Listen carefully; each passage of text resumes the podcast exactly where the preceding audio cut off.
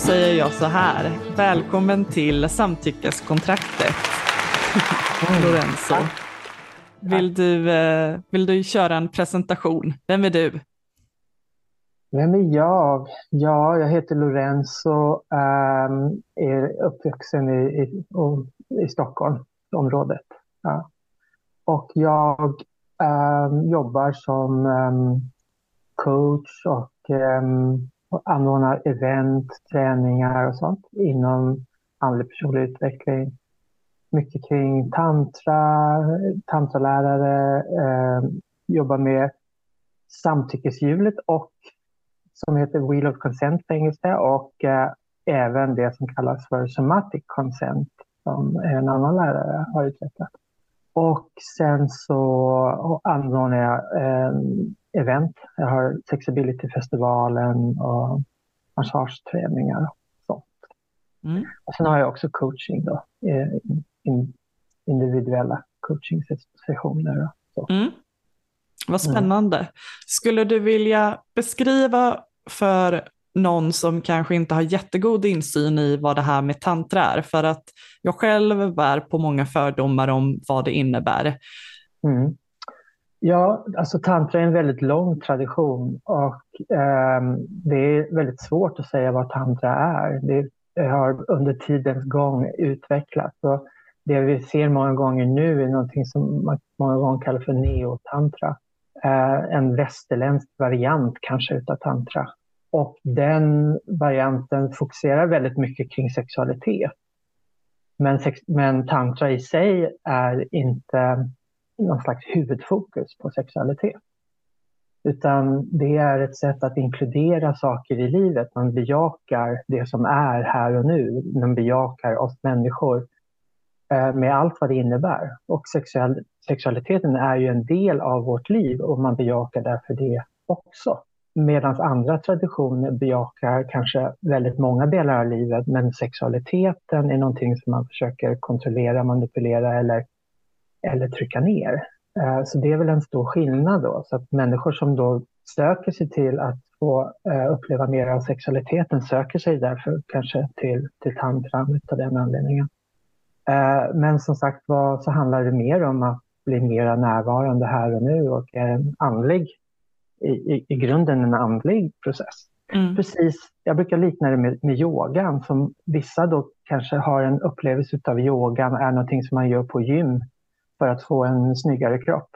För att kunna eh, ligga bättre till i, i- när det gäller dating. Så det är en variant av yogan och det är inget fel med det men att förstå att, att yogan också har andra rötter och andra djup där det då eh, handlar om att få en djupare andlig upplevelse och kanske till och med bli upplyst.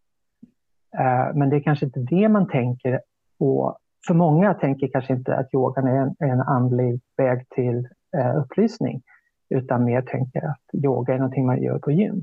Mm. Att det finns olika upplevelser och olika syften med yogan och på samma sätt finns det olika upplevelser och syften med tantran. Mm. För det är väl just det här att jag som inte har varit inne i den världen med tantra eh, tänker ju mycket på eh, gruppsex tror jag, Eh, med fetischer och, och eh, inte så mycket det spirituella. Så jag tycker det, det, fin- det är väldigt bra att få en, en helt annan förklaring på vad det faktiskt betyder. Mm. Ja, och jag tror att, att, att tantran har väldigt gemensamt, oberoende av vilken tantra man praktiserar. Om man eh, an, praktiserar att vara i ett rum där folk har sexuella upplevelser tillsammans. Eller om man kommer in i ett rum där alla sitter med vita kläder, med turbaner på huvudet och sjunger mantran i fyra timmar. Så tror jag att, att man gemensamt för de olika grupperna som kan te sig väldigt olika så, så är det att man har vissa gemensamma faktorer. Och det är att man vill uppleva mer av nuet, som det som pågår här och nu. Man vill få en djupare kontakt med sig själv, en djupare kontakt med andra människor, en djupare kontakt med livet. Man vill uppleva livet mer. Och det är då um, olika sätt att göra det. En del han tänker att ja, när jag jobbar med min sexualitet och hittar min kraft och släpper på skam och skuld och vågar vara mer ärlig med den jag är så kommer jag hitta det djupet. Mm. Och andra tänker att, att ja, om jag mediterar och gör de här olika yogaövningarna i tillräckligt länge så kommer jag hitta det djupet. Så det är olika vägar eh, till samma mål, ska jag säga. Mm. Men det handlar om att bli mer närvarande här och nu, att bejaka det som är, det, det, att hitta en acceptans och ett bejakande och kanske till och med ett omfamnande av det som är. Att man, man tar, tar upp det i sin famn, så att säga, som ett skrikande barn istället för att, att eh, äh, göra det här barnet fel så tar man upp barnet i famnen och sätter det i knät och säger hej, hur mår du? Och på samma sätt så involverar man sina inre, sitt inre barn då kanske. Att, så det, det är ett omfamnande och det är då i det här bejakandet så är det ju då att man bejakar alla eh, livets olika delar. Eh, och drar man det till, till, en, en, en, till sin spets så, så handlar det om ett, ett ehm, eh, radikalt accepterande av den verklighet man är i. Vilket människor eh, många gånger eh, då, eh, alltså tantran är inte för alla om man går på djupet med det. För att man kanske vill då acceptera och älska de här fina delarna hos sig själv och andra. Men skuggorna och eh, rädslorna och skammen, skulden, de sexuella krafterna som vi har inom oss kan kännas skrämmande för folk. Så då vill man liksom på något sätt, okej, okay, vi skippar de delarna och sen så fokuserar vi på de här ljusa, fina, kärleksfulla sakerna för att jag orkar liksom inte gå in i de här djupen. Mm. Eller titta på mina, mina trauman eller mina, mina sår och så. Mm. Och um, det är kanske inte för alla om man går in i, i djupet och med tantra. Mm.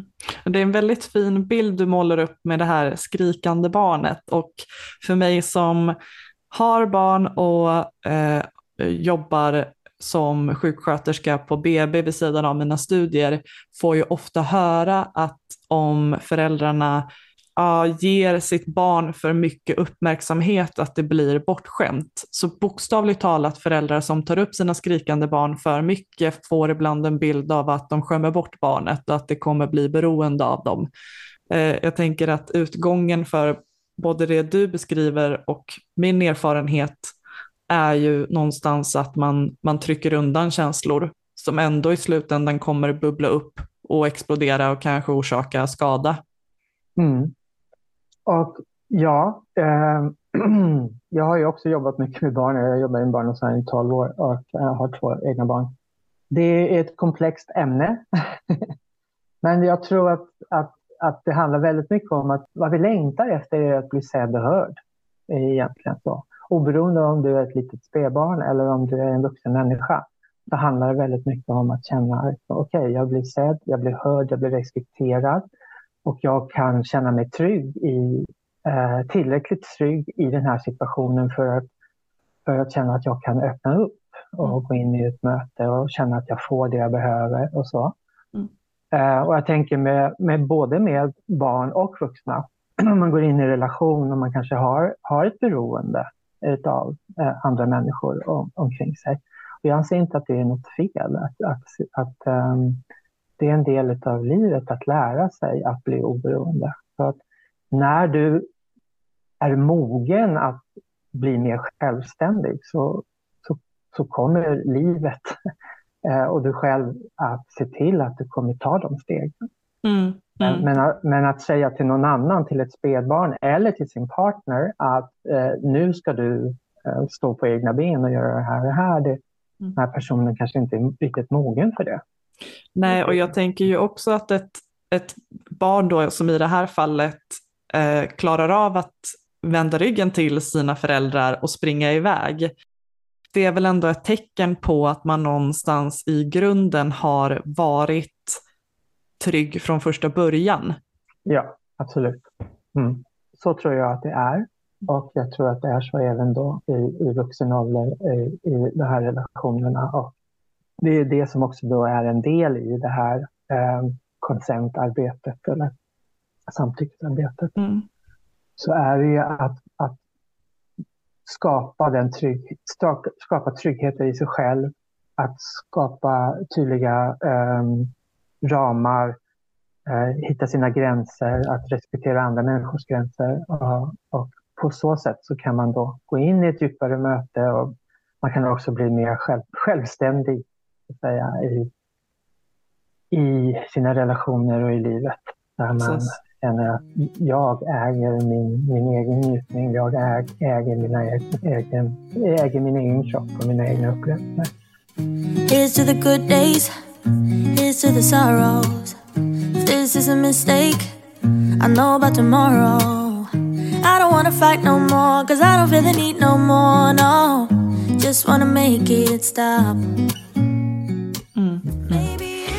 Eh, och du nämnde tidigare det här samtyckeshjulet. Mm. Som jag är jättenyfiken på. Mm. Vill du berätta vad det är för något? Ja, jag kan börja berätta vad det inte är. och det är då, det är inte en teknik Eh, det är inte en, en, en, liksom en metod eller ett verktyg, så att säga. Eh, utan det handlar om att hitta en närvaro och en medvetenhet kring vad som händer i dig själv och med andra och i dina relationer med andra. Få en större och djupare förståelse vad som verkligen händer i mötena. Och det är inte heller en som sagt var teknikmetod på det sättet att det är ett, det är praktiserande där du lär dig de här sakerna genom att praktisera. Så även om du har en teoretisk del så är det um, väldigt mycket en, ett praktiskt utövande. Och det är någonting som du kanske inte praktiserar i alla situationer med alla människor, utan det är så till exempel att om, om du kramar någon så kanske du känner att ni båda ger och tar eh, tar emot samtidigt och allting känns bra. Men det kan också vara i andra situationer där i en kram där det blir otydligt att men vänta lite nu, vem, för vems skull sker den här kramen? Är det jag, är, är det jag, vill jag ge den här kramen? Är det så att jag tänker att den andra personen behöver det eller är det att den andra personen tänker att jag behöver det? Och att vi egentligen båda två ger en gåva men det är ingen som tar emot för det är ingen som vill ha den. Uh, har jag sagt ja till, vilken typ av kram har jag sagt ja till? Är det en, en, en vänlig uh, kram eller är det här mer en sensuell eller en sexuell kram? Uh, var går mina gränser kring det? så vad, är jag, vad vill jag och vad är jag villig till? Och vad är det som sker och för vem skulle det ske?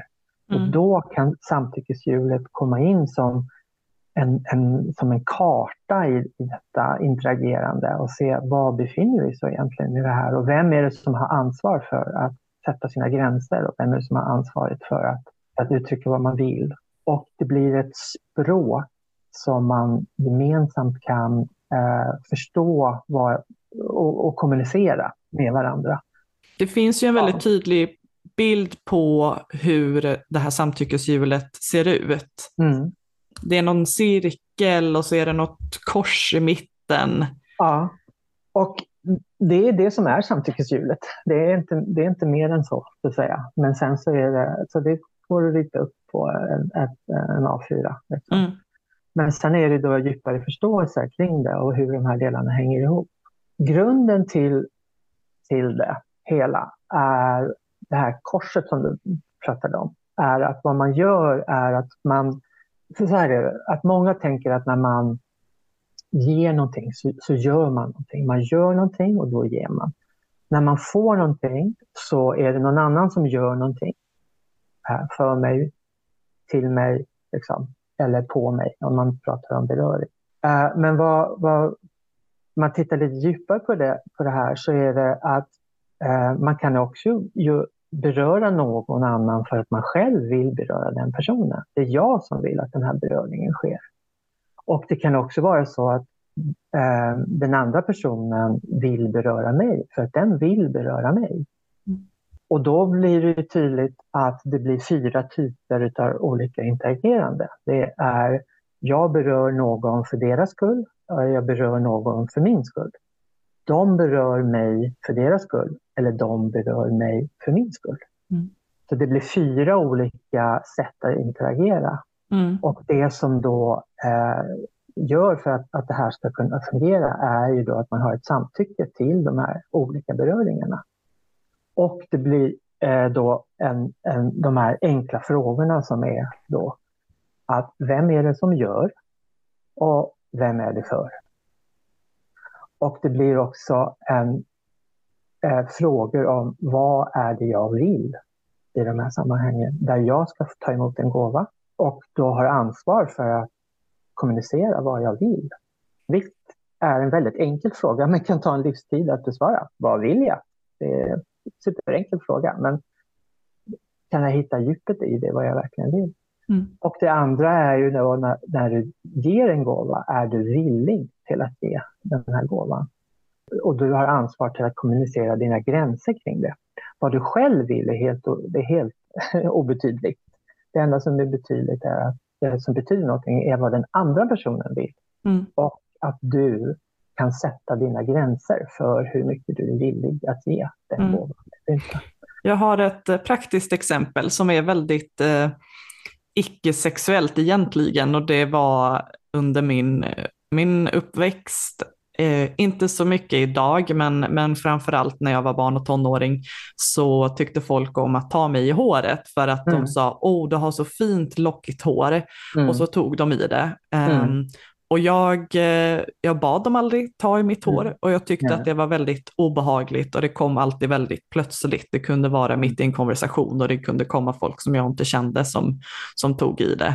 Um, vad, vad tror du har gått fel här? Jag tror ju att de tror att de har gjort något snällt och att de har gett mig en komplimang. Men jag tyckte att det har varit väldigt obehagligt varje gång och nästan så att jag varit rädd för att folk ska ta, ta i mm. mitt hår. Mm.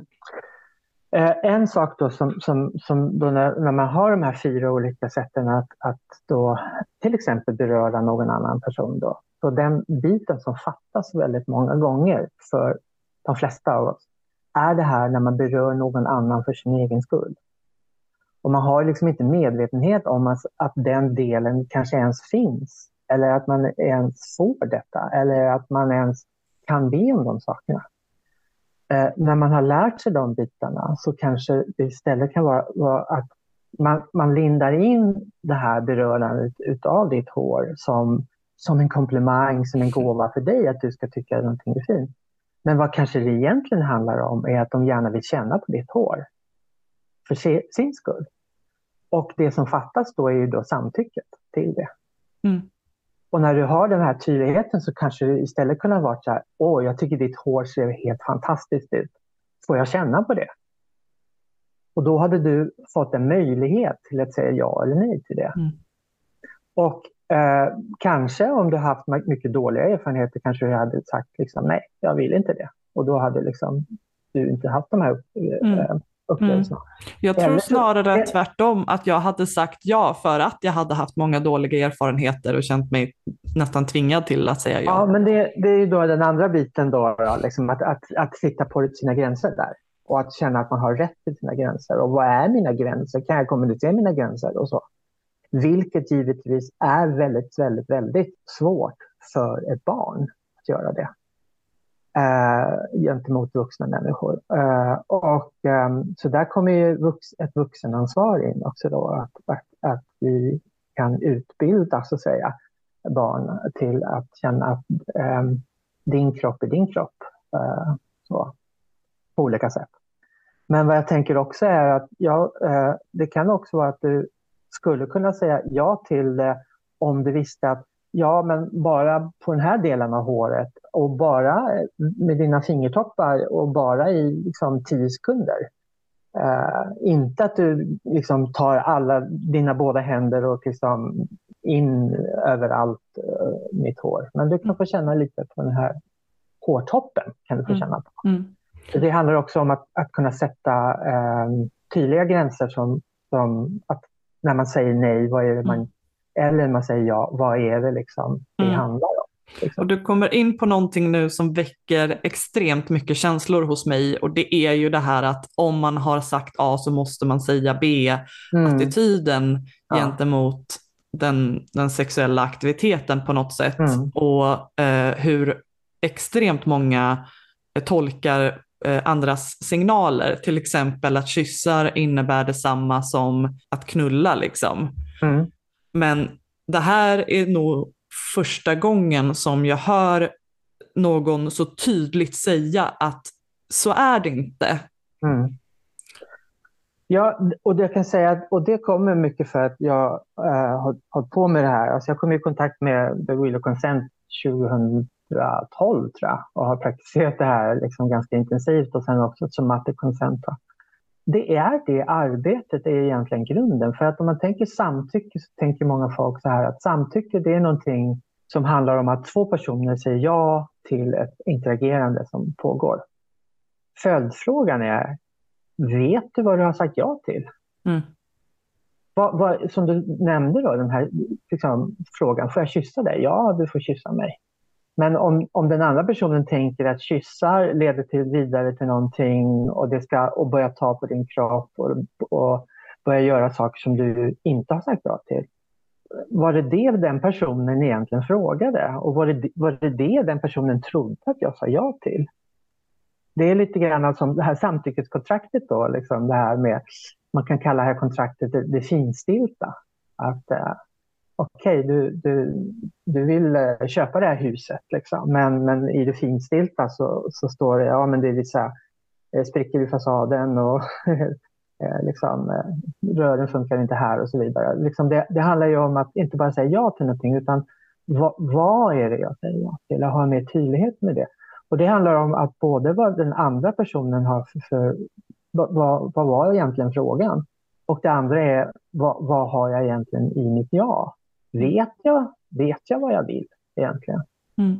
Eller är det så att jag bara säger ja till någonting? Eller lite grann som du sa då med ditt hår, att du tänkte att du kanske bara säger ja för att du hade de här upplevelserna av att du egentligen inte äger din egen kropp och så. Och, och det handlar ju om då att, att fördjupa den här eh, medvetenheten kring sitt ja och sitt nej. Mm. Uh, och på så sätt kunna ha en, en ett interagerande, en kontakt med någon som känns mer äkta och sant. Och att du känner dig mer trygg i det. För du, du, du vet vad du vill och därför vet du vad du säger ja till. Mm. Och du vet också dina gränser för du har praktiserat och lärt dig de sakerna så du vet vad du säger nej till. Och du vet att du har tillgång både till ditt ja och till ditt nej. Mm. Och det skapar då en trygghet. Mm. Och, vilket gör att du kan gå in i möten på ett sätt där du kan ha mycket mer djupare och fantastiska upplevelser när, när du mm. slipper mm. ha den här äh, rädslan eller sitta och hålla i handbromsen så att säga. Mm. Uh, utan du kan slappna av in i ett möte. Jag tror ju också att det här med samtyckeskontrakt, det är ju lite ironi på något sätt för att det, det blev många diskussioner om att man behövde kontrakt när samtyckeslagen kom, att antingen så är det ett ja eller ett nej. Det finns ingen mm. flexibilitet i det. Men jag tänker ju också att ett kontrakt innebär att man skriver på eh, och kanske inte har samma möjlighet att ångra sig sen. Mm. Medans ett jul är jag tror att det betonar det här med samspel på ett annat sätt. Mm. Att det är mångdimensionellt. Mm. Jo, eh, precis. Liksom att om, om du säger ja till någonting så är det nog väldigt bra att veta vad, vad, vad du säger ja till så att säga, och inte lova någonting. Så att jag många gånger har på mina, på mina workshops så, så pratar jag om det här att, att du kan alltid ändra dig. Liksom. Och jag, jag har det som ett mantra under kurserna och e, även får deltagarna att säga det. Liksom, så här att okej, okay, I could always change my mind, jag kan alltid ändra mig. Eh, liksom repetera det ett antal gånger tillsammans i gruppen. Liksom, för att det är så otroligt, uh, sitter så otroligt hårt i oss. Liksom, så, uh, uh, av olika anledningar.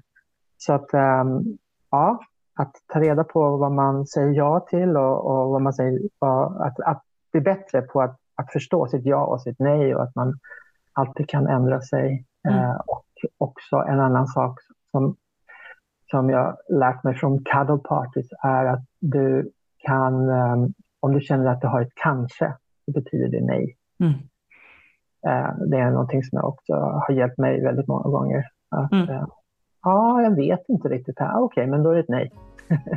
ja, spännande. Du är inte den första i den här podden som säger det. Det är andra, mm. ah, andra okay. män som också ah. har, har, sagt det. Så att, ah. tack och lov eh, mm. sker där en förändring.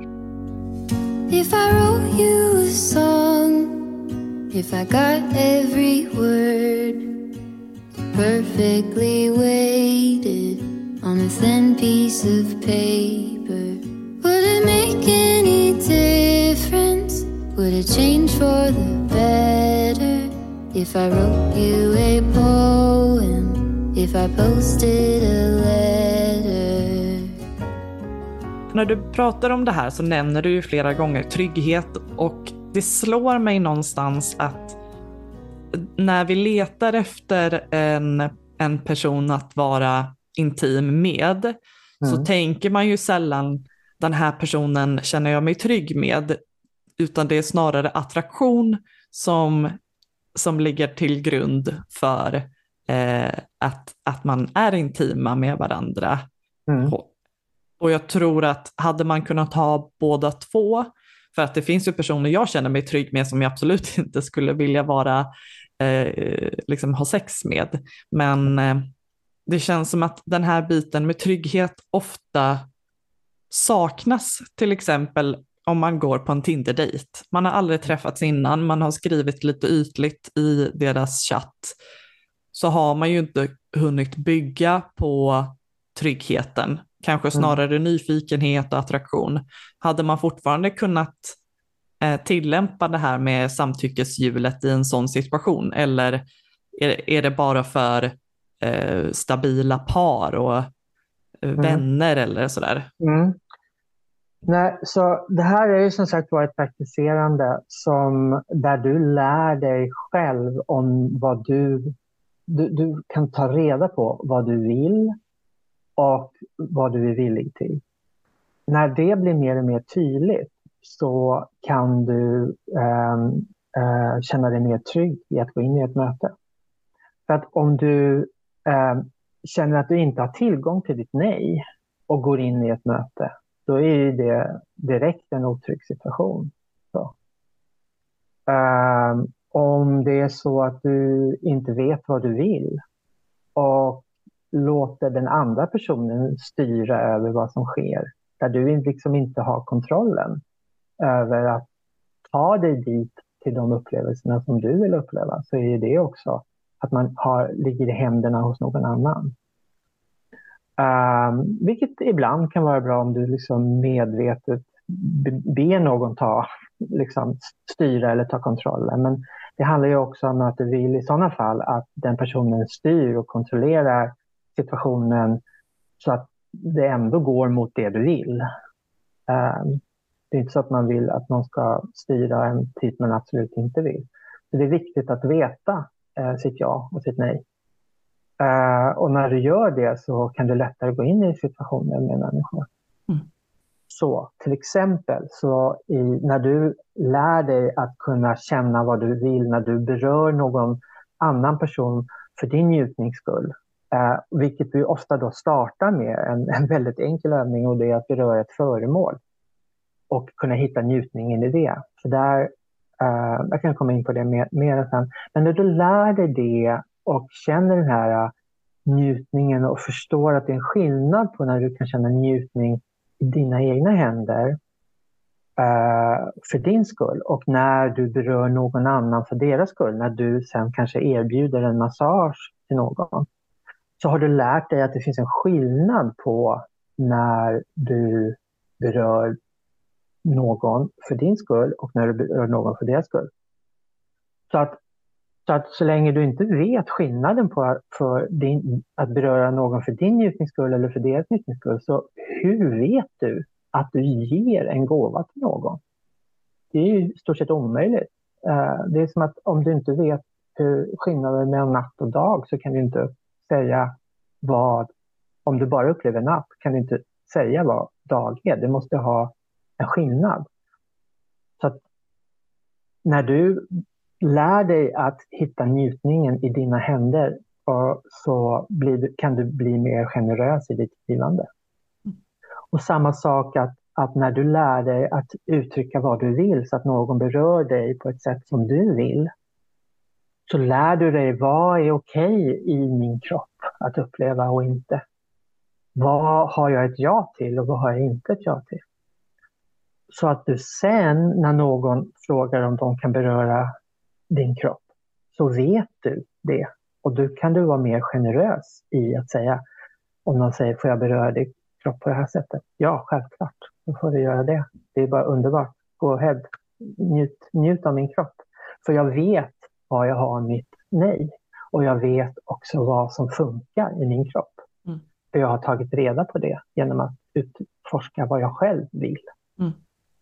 De olika delarna hänger ihop på olika sätt. Så, eh, så att det här föremålet kommer ju inte att, att döma dig för att du berör fel. Eh, det kommer inte att äh, äh, göra slut med dig och, eller lämna dig för att du är en dålig person som inte kan beröra. Så att du kan liksom lägga bort alla de här bitarna med vad, vad som sker och som bara känner den här njutningen. Liksom så. Mm. Och hur ser uh, övergången ut sen när man ska göra det med en människa, det, levande uh, människa? Nummer ett, samtycke. För att en sak behöver du inte ha samtycke till att känna njutning, men när det är en människa så behöver du ha samtycke. Och eh, Sen så är det självklart att det är olika för att det är en människa med känslor och hej och hå. Och Men det handlar väldigt mycket om att kan jag flytta över den här delarna som jag kände när, när jag kunde känna njutning i mina händer. Kan jag flytta över den upplevelsen till, till en annan person utan att det här hela programmet sätter igång då. Så du lär dig liksom att skilja på det. Liksom, det här är mina mönster och rädslor, min skam, min skuld, min rädsla att bli lämnad och allting det här. Det är en sak. Men kan jag faktiskt känna vad som händer i mina händer här och nu? Så det, det är det som man då kan lära sig av och flytta över på det. Och att det, när det gäller då det här och programmet som sätter igång då blir ännu starkare när du gör de här sakerna med någon som du känner dig attraherad av. För du, har, eh, en, du känner en risk av att förlora den personen som du verkligen vill vara med. Så därför kan det vara jättebra att öva dessa saker med ett föremål eller med någon person som, där du, som du inte känner dig jätteattraherad av. Det kan till och med vara en fördel att du känner dig oattraherad av en person. För att när du är attraherad med någon och de frågar hur, hur vill du att jag berör dig? Så kan du säga ja, men du kan beröra mig precis hur du vill. Precis. Ja. Mm. Men är det någon som du känner dig oattraherad av, då blir det en viktigare fråga. Då behöver du liksom ta reda på, men vänta lite nu, vad är det jag vill här egentligen? Uh, och vad är mina gränser och kunna kommunicera dem. Så mm. det blir viktigare för dig och du, då lär du dig mer också mm. i det. Ja. Så till den som lyssnar så kan det vara en fördel att om man ska träna det här eh, och träna och sätta sina gränser och veta om sina gränser, att man gör det med någon som man kanske inte har en, en uh, kärleksaktig relation med, utan att det kanske är bättre med en, en vän en, trän ja, en träningspartner. En som träningspartner. Också, ja, som också är intresserad av att äh, hitta äh, in till en djupare kontakt via samtycke, via där man har samma språk så att säga. Då, då där mm. finns en, en, en, en, tillit till varandra och där man vet att om jag säger nej så kommer det här nejet att respekteras. Så det är ju då vissa eh, förutsättningar för den här träningspartnern, så att säga. Då, mm. att, att, man inte tar bara någon som vem som helst som inte eh, kan respektera ett, ett, nej till exempel, utan det, det är, båda behöver vara intresserade av att hur kan vi hitta in till min egen sanning och hur kan jag kommunicera den? Mm. Oj, vad världen hade varit en bättre plats att leva på om vi tillämpade det här mer Mm. än det här brutala eh, sexet som man oftast får se och höra. Mm. Vad man missar många gånger är att när du får ett samtycke till någonting, det vill säga istället för att du berör någons hår eller om du då eh, masserar någon eh, och säger kan jag ge dig massage, men när du egentligen vill känna på det här håret eller massera den här personens kropp för din skull. Och lär dig då att säga så här, Åh, jag skulle så gärna vilja eh, känna och, och, beröra din kropp på det här sättet. Här kan jag göra det? Uh, och den, den andra personen ger sitt samtycke till det. Då kan jag lägga bort väldigt mycket av mina mentala processer som jag har kring att oj, gör jag rätt nu? Kan jag ta nästa steg? Jag, du, har en, du masserar personen men du har en medveten eller omedveten eh, dold eh, eh, agenda av att det här ska, du vill känna på den här kroppen mm. och olika kroppsdelar mm.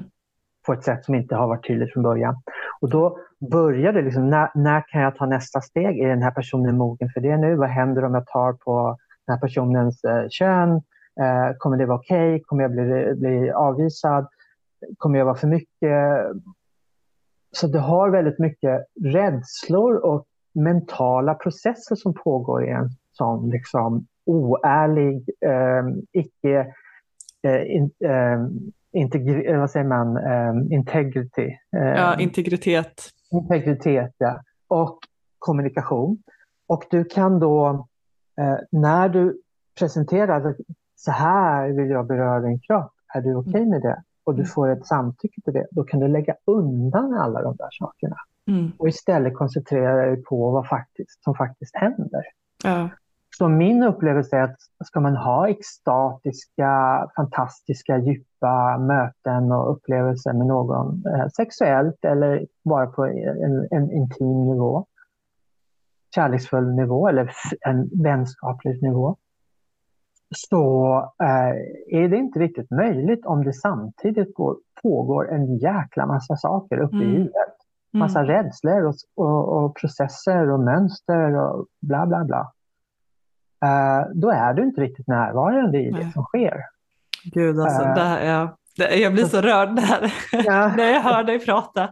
Det, jag, jag bara önskar att fler, um, fler tänkte så här. Mm. Vad mycket lidande vi hade kunnat undvika. Mm. Och det är, så, det är så fint liksom. Det är så mm. fint. mm. Mm. Men det som också slår mig när du berättar allt det här är ju, för jag har eh, och är fortfarande så himla fokuserad på det manliga och det kvinnliga. Men inte mm. en enda gång har du eh, satt kön på de här scenarierna. Mm. Även om jag kan få inre bilder så, så är det som att eh, könsnormer är raderade ur sammanhanget. Och mm. ja, men det, det är så fint. Det, mm. mm. Vad fint. Tack för att du säger det. Det blir jag väldigt äh, berörd att höra. För det, det är ett väldigt medvetet val som jag har fått jobba med under de närmaste åren. För att jag då har då Sexability-festivalen till exempel. Eh, där jag vill skapa att folk som kommer på Sexability-festivalen ska kunna känna sig inkluderade. Så det har varit flera års liksom medvetet eh, sätt att, att, um, att um, kommunicera på.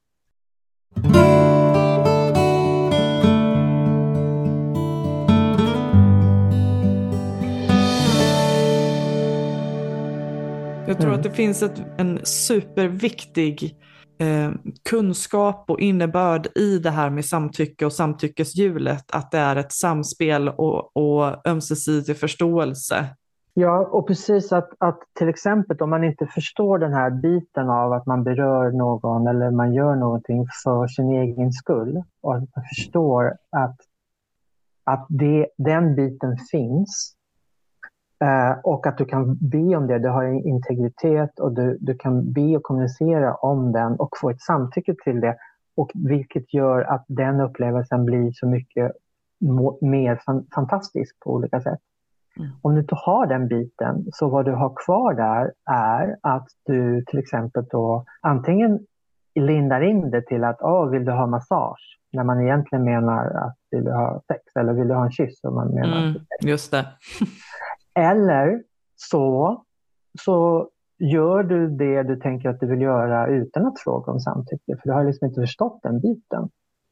Uh, och du tänker kanske att om jag ber om det här så kommer jag få ett nej, så varför ska jag fråga? Liksom så. Mm. så att det handlar om att, att lära sig de här olika bitarna. Um, de, dels så handlar det om att uh, folk behöver lära sig mera djupgående de här processerna så att de inte gör illa varken sig själv eller andra. Men det handlar också om att man själv blir mer tydlig. Så att, någon, någon, att man har den här tydligheten när någon frågar eh, vill du ha en kyss? Aha, vill jag ha en kyss? Uh, ja, uh, det vill jag. Jag vill jättegärna ha en kyss, men bara en kyss. Uh, och jag vill bara kyssas nu liksom under en, en, kort tid och efter vi har kysst färdigt så, mm så är, är, vårt interagerande här över. Mm. Och är det någonting annat du vill från mig så får du be om det i sådana fall. Mm.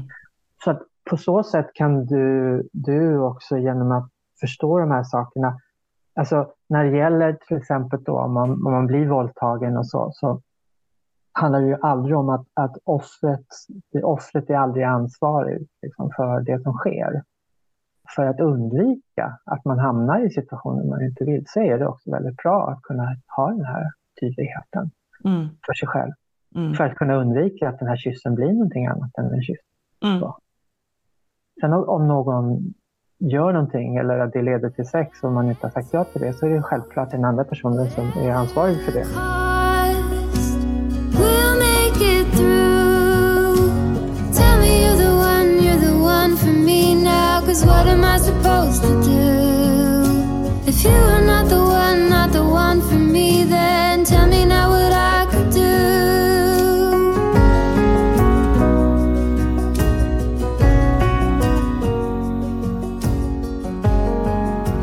Tänker väl kanske att innehållet idag kanske inte är, målgruppen är män som gömmer sig i buskarna i parker och eh, utför överfallsvåldtäkter för att Nej. de eh, är nog eh, för långt bort eh, för att kunna nå budskapen här, utan budskapen är väl till för alla som visar ett intresse att lära sig. Ja, precis. Och då är det det här med att, att eh, om någon, någon säger att eh, de vill ha ett djupare möte med någon så kan man då säga att ja, jag vill ha ett djupare möte med dig, men då behöver jag kunna eh, uttrycka mina gränser och, och, mm. så. Och det gör inte jag för att jag inte vill ha ett djupare möte med dig, utan jag vill eh, uttrycka de här sakerna för att kunna ha ett djupare möte med dig. Men då behöver jag känna mig trygg med de här bitarna. Mm. Att, att den här kyssen just nu bara blir en kyss och inte mm. annat. För det skapar en trygghet hos mig. Det skapar ett förtroende. Det skapar en tillit. Mm. Det skapar att jag blir respekterad, jag blir sedd, jag blir hörd jag, och så. Och utifrån den delen kan jag känna mig trygg att gå vidare. Uh, för att många, många liksom, uh, om man säger nej till, till någonting så är man kanske då rädd för att den andra personen ska, att det ska bli en konflikt eller att man, att man mm. eh, personen blir arg eller ledsen eller liksom. Mm. Mm. Men att då förstå att nej, men jag säger inte nej till, till dig. Så. Utan jag säger nej till just den här biten för att jag behöver säga nej för att kunna känna mig trygg för att sen kunna gå in i ett djupare möte med dig. Mm. Mm. min intention är att hitta ett djupare möte med dig. Och, och, jag brukar ibland säga liksom så här att folk säger ja, men jag har så svårt att, att nå fram till min partner. Men, men, ett sätt att säga är så här, vet du vad, jag skulle vilja ha så här fantastiskt, underbart, mindblowing sex tillsammans med dig. Uh, och, uh, men det är vissa saker som jag behöver kommunicera för att kunna nå dit. Är du intresserad av att höra vad det är? Då tror jag att de flesta skulle säga liksom, ja, verkligen. Mm. uh, och gör de inte det så, så är det nog inte rätt partner. Så det är lite samma som om du spelar fotboll till exempel så har du då fotbollsträning och den, den kanske inte är så sexigt. Du vill hellre spela match med åskådare och hej och hå. Men, men det som sker på träningen är det som du har med dig in mm. när du spelar match. Eh, men om du när du spelar match har liksom såna här små orangea koner som du ska springa slalom mellan, då, då är du liksom fel ute. Mm. Mm, jag älskar dina liknelser, det gör det, det, gör det så mycket lättare att, eh, ja. att, att förstå. Mm. Jag, jag, jag saknar ord. Jag känner att, eh, att jag, jag kommer själv behöva lyssna på det här flera gånger om eh, och, och gråta ännu en skvätt. Eh, jag, jag är så glad av att få höra dig berätta. Jag, tack räcker inte till, men Men tack så enormt mycket för att eh, du ville vara med Lorenzo.